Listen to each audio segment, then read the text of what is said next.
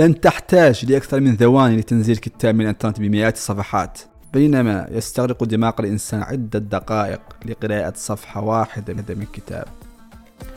ChatGPT ينتج نصا منسقا ومعبرا بمئات الكلمات في ثواني بينما يستغرق الإنسان دقائق كثيرة وتركيز كبير لكتابة جمل قليلة ماذا لو استطاع العلماء ربط الدماغ البشري بالحاسوب؟